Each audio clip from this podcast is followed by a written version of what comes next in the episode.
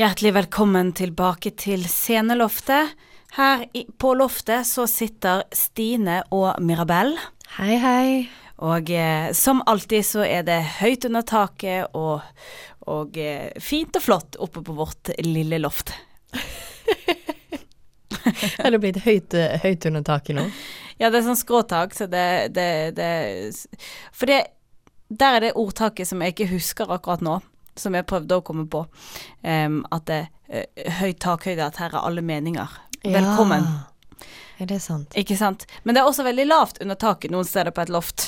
Så det spørs om vi ikke motsier oss selv litt. Grann. Ja, men det, det går eh, helt fint, tror ikke du det?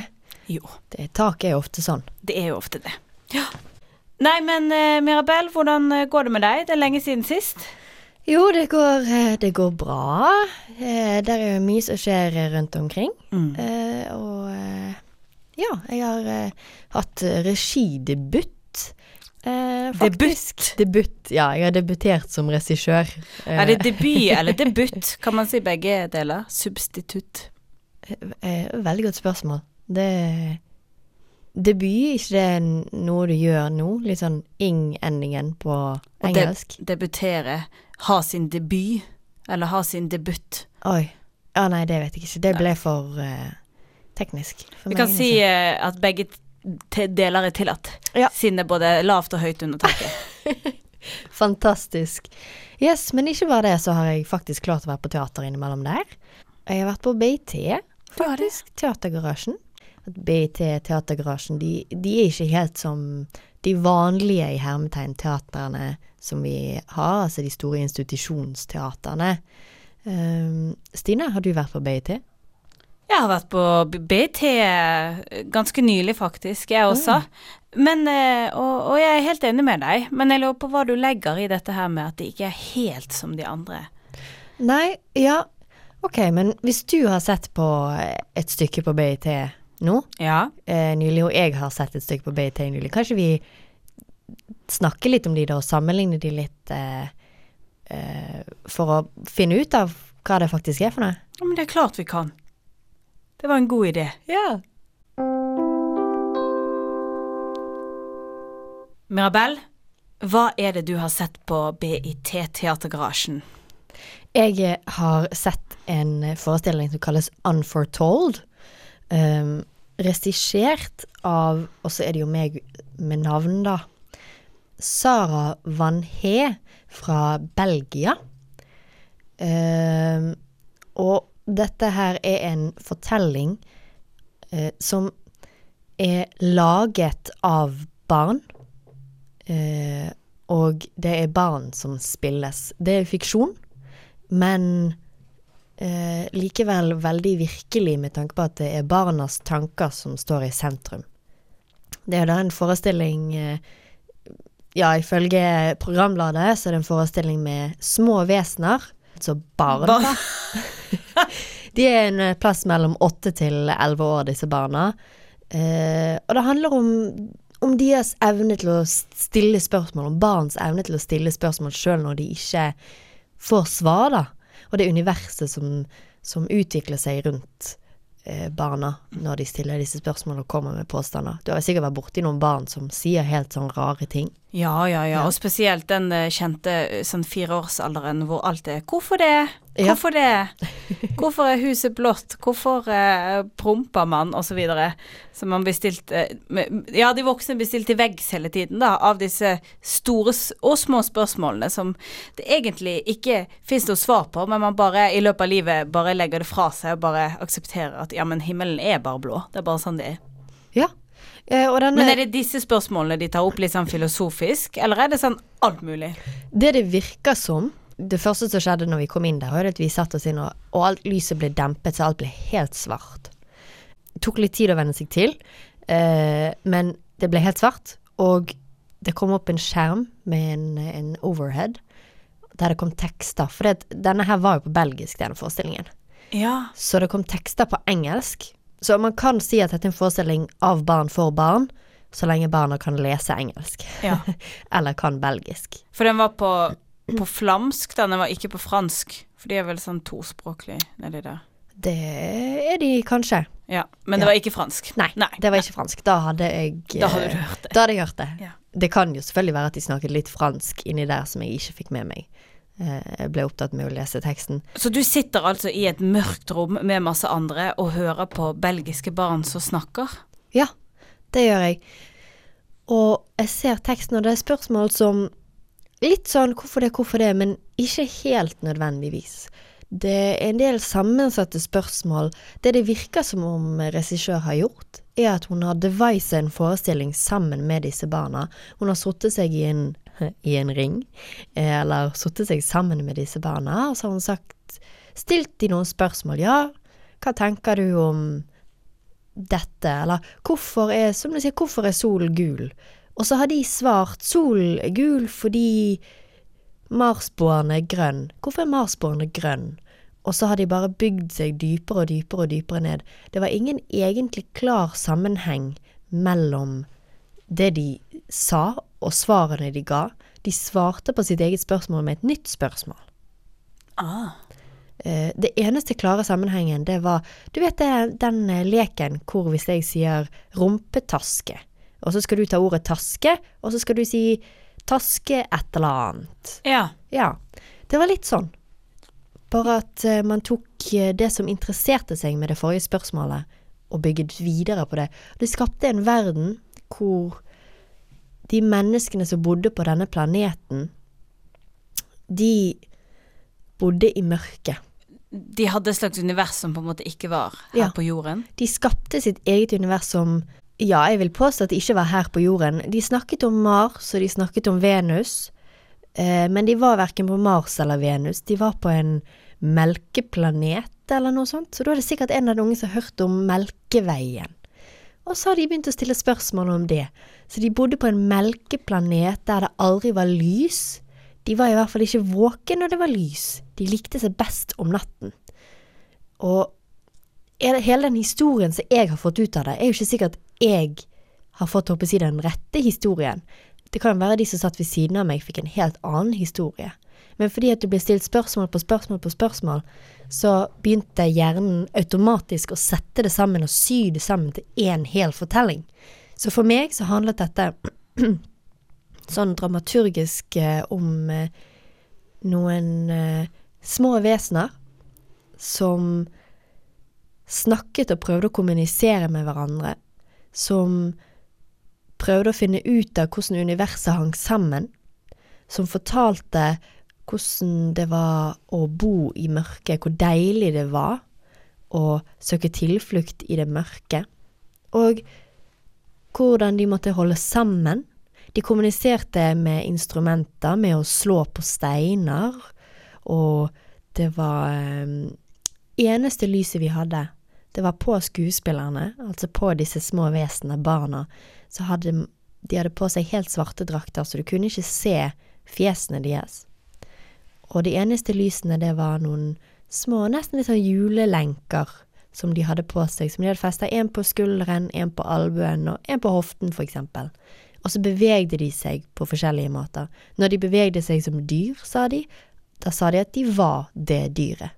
Og man så disse organismene, så så du på en måte bare lys som bevegde seg i mørket. Så vittig. Så det, det ble pluss alle disse spørsmålene med barnestemmer som kom oppå. Så du måtte lage din egen fortelling. Du måtte lage din egen historie. Hvis Ja. du ville make sense of it all. Men ble du filosofisk etterpå? Altså trigget det en slags sånn derre Hm, hvorfor det? At du begynte å på en måte tenke i spørsmål etterpå? Ja, nei, ikke helt det som trigget det for meg, og jeg tror veldig mange andre voksne i salen. Eh, vi satt og lo litt innimellom, humret litt på noen av de her spørsmålene.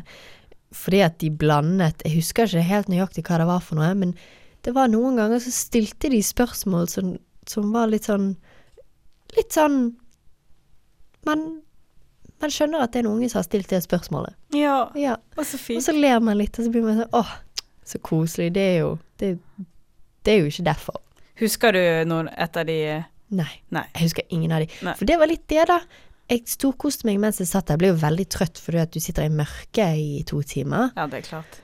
Og um, jeg var kjempefascinert når vi var ferdig, og etter hvert som spørsmålet kom mens jeg satt i forestillingen, så begynte jeg på sånne filosofiske spørsmål.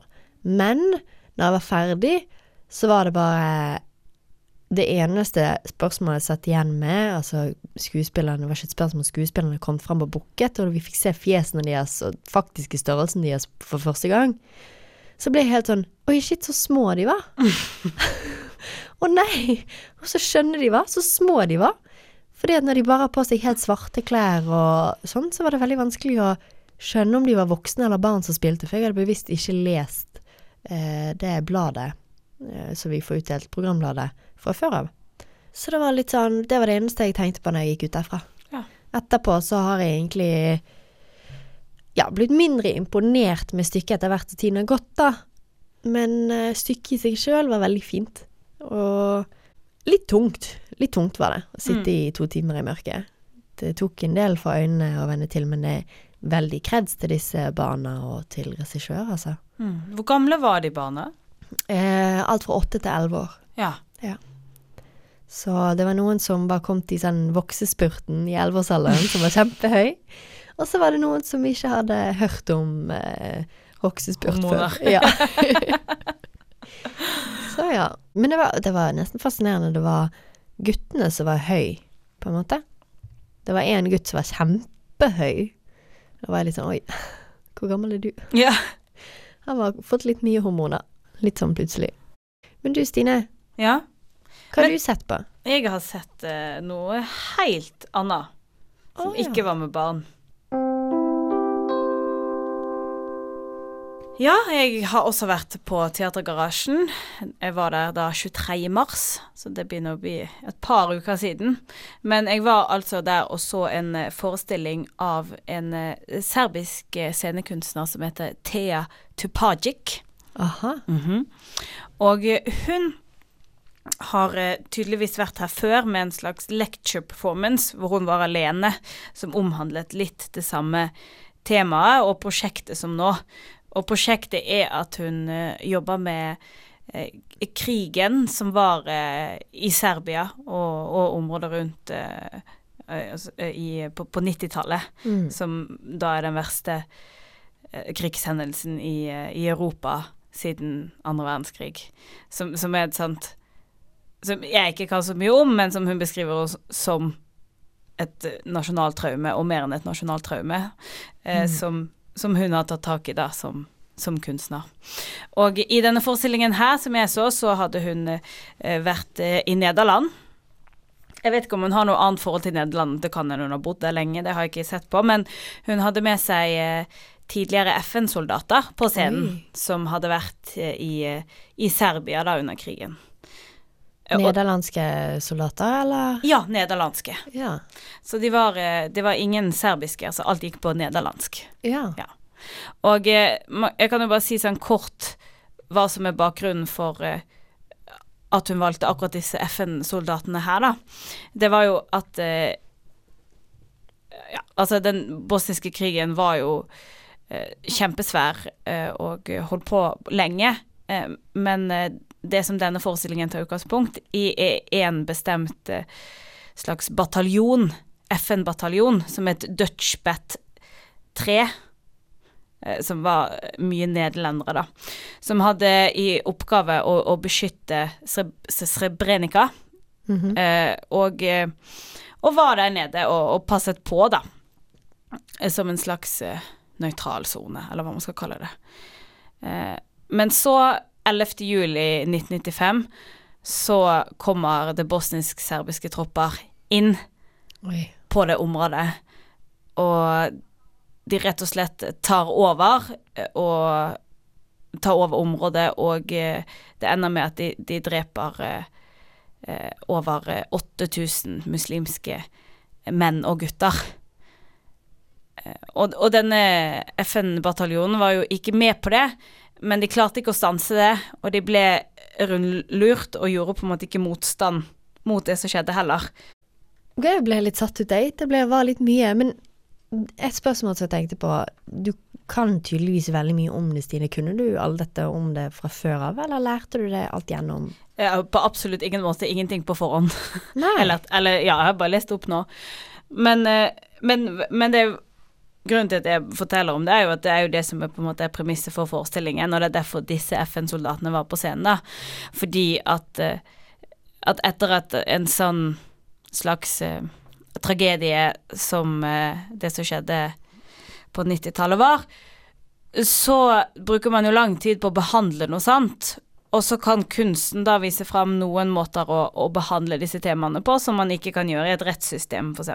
Mm. for sånn som disse FN-soldatene som da har levd med masse eh, skyldfølelse, og folk har meninger om at de burde ha interagert, burde ha stoppet dette, at de visste hva som skjedde, mens andre mener at de eh, på en måte ikke er helter, men at de ja, Altså, de var jo faktisk der og, og hjalp til, da, i motsetning til folk som var hjemme, som at de på en måte Det, det er mye sånn moralske temaer som tas opp i etterkant av noe sånt for å finne ut hvem som var skyldige hva, og hvem som er uskyldige, da. For mm. det er sånn typisk oppgjør man har etter en krig. Så det er litt det hun vil gå inn på i kunsten sin. Og det er det hun gjør i denne forestillingen, da, med å la de De er fire soldater, da tidligere soldater som, som forteller eh, sin opplevelse fra dette. Ja, ja, for i en krig så er det jo veldig sjelden at noe er svart-hvitt. Eh, at den ene har alltid rett, eh, rett, eller den andre har alltid feil.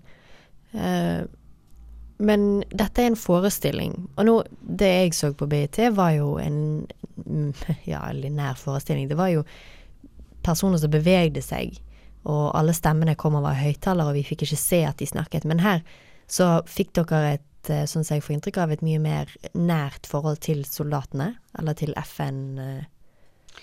Altså, ja, man kommer vel inn på eh, spørsmålet om de på en måte Om de er skuespillere, eller om de bare er, er seg selv. Ja. Fordi at uh, de kommer inn på scenen én etter én i starten. Og det, det, er lite lyssetting og lite andre ting. Det er på en måte en skjerm som viser som, som oversetter, da, mm. fordi de snakker på nederlandsk. Og så gjennom hele, eh, hele forestillingen, unntatt en liten sekvens, så snakker de jo i jeg-form om sin egen fortelling.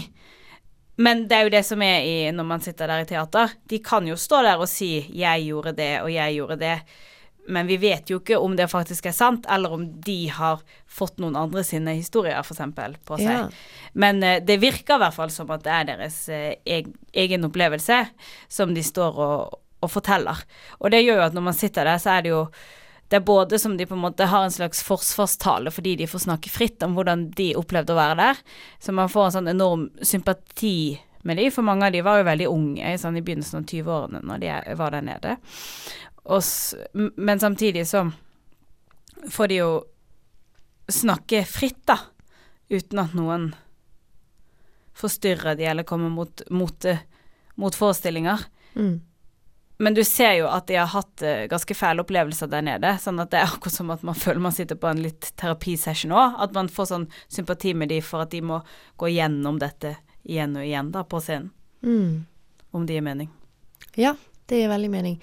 Eh, det minner litt om eh, når jeg var i Serbia. Ja, for du var på eh, utveksling. Ja. ja.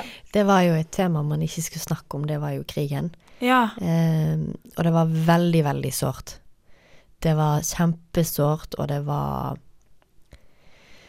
Ja, det var et tema man ikke skulle snakke om, og likevel så måtte de fortelle meg hva det handlet om, og hva det var for noe, i korte trekk. Så det å se noen ta tak i det og gjøre det om til en teaterforestilling, og gjøre det for eh, noe som kan minne om litt terapeutisk, det tror jeg gjerne de kunne ha godt av å gjøre der borte også, mm. ikke bare her. Nei, det var jo en sterk, sterk opplevelse å se den forestillingen, og det er særlig det var et sekvens som jeg nevnte i sted, hvor de ikke snakket ut fra jeg-person, hvor de sto helt framme et par eh, centimeter omtrent ifra de første publikummene, og snakket på en måte direkte til, til publikummene med salslyset på, og så snakker de om eh, Tenk hvor deilig det er å kunne bekymre seg over eh, ting som ikke betyr noe. Mm. Skal jeg gå med kjole i morgen?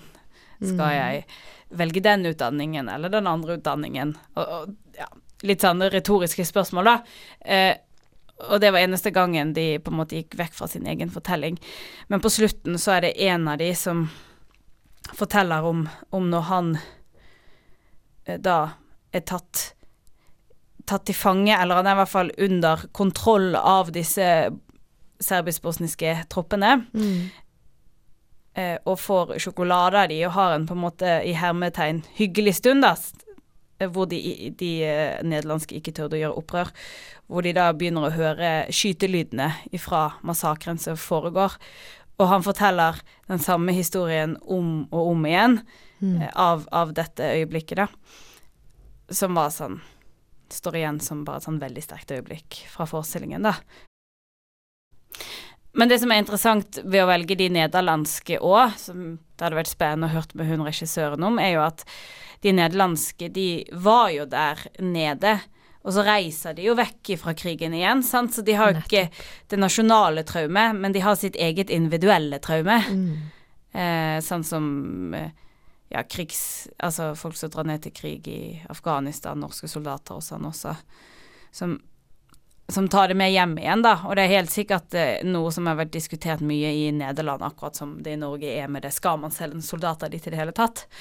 Eh, men, men den den effekten det får på de som ikke har det nasjonale traumet, men som bare er inne i en sånn konflikt, og så drar ut igjen, da, Mm. gjør jo det til et til en sånn ekstra spennende eh, vinkling på det, ved å velge disse Ja. nederlandske og ikke serbiske. Eller bosniske. Ja. Er vi ferdige da? ja. Altså Har du noen flere spørsmål? Nei, men det er jo tydelig at uh, selv om vi har vært på BIT begge to og sett på forestillinger, uh, så har vi sett på to helt forskjellige forestillinger. Uh, og det var ingen nakenhet i min forestilling, var det nakenhet i din forestilling? Nei, ingenting. For det er jo noe BIT er veldig ofte kjent for, å ha nakne forestillinger Nei, Nakne for- ha forestillinger med nakne mennesker i. Så det var litt fint å hø- høre at eh, det finnes andre ting der også. Ja. Som er litt, litt annerledes enn det man er vant til. Mm. Ja. Ja. og begge disse to, eh, hvis du skal finne noen fellestrekk mellom våre forestillinger, har jo et slags eh, eh, virkelighetsaspekt, eller en sånn Mm. At det er, ikke, det er ikke skuespillere som er på en måte trent i tre år på skole, som, som står på scenen, da. Fordi din var det barn, bare Ja. barn, og, og her var det jo ekte soldater. Så det tilfører en sånn eh, ekthet i det, da, som, som man ikke finner i, i sånne Definitivt. skuespillforestillinger. Definitivt. Og selv om din var en eh, Min var en fiktiv fortelling, og din eh, ikke var det, så er det jo ekte spørsmål som ungen har kommet med, og det er jo ordentlige ting som har skjedd i, i din eh, forestilling. Så det sånn sett så handler det jo om, om livet, egentlig. Og om, eh, om alt det som kommer med. Alle spørsmålene, alle tingene, traumene. Hvor hen er det fint å ta tilflukt? Hva liker man ikke? Hva skjer hvis noe går galt? Og alle disse, alle disse tingene er jo det det egentlig handler om. Mm. Det var fint sagt. Skal vi eh, ende det der? Ja, det Ja. tror jeg vi kan gjøre. Ja, da får vi eh, gå ut av loftet igjen og komme oss litt ut i, i finværet som er i dag. Ha det bra! Ha det bra.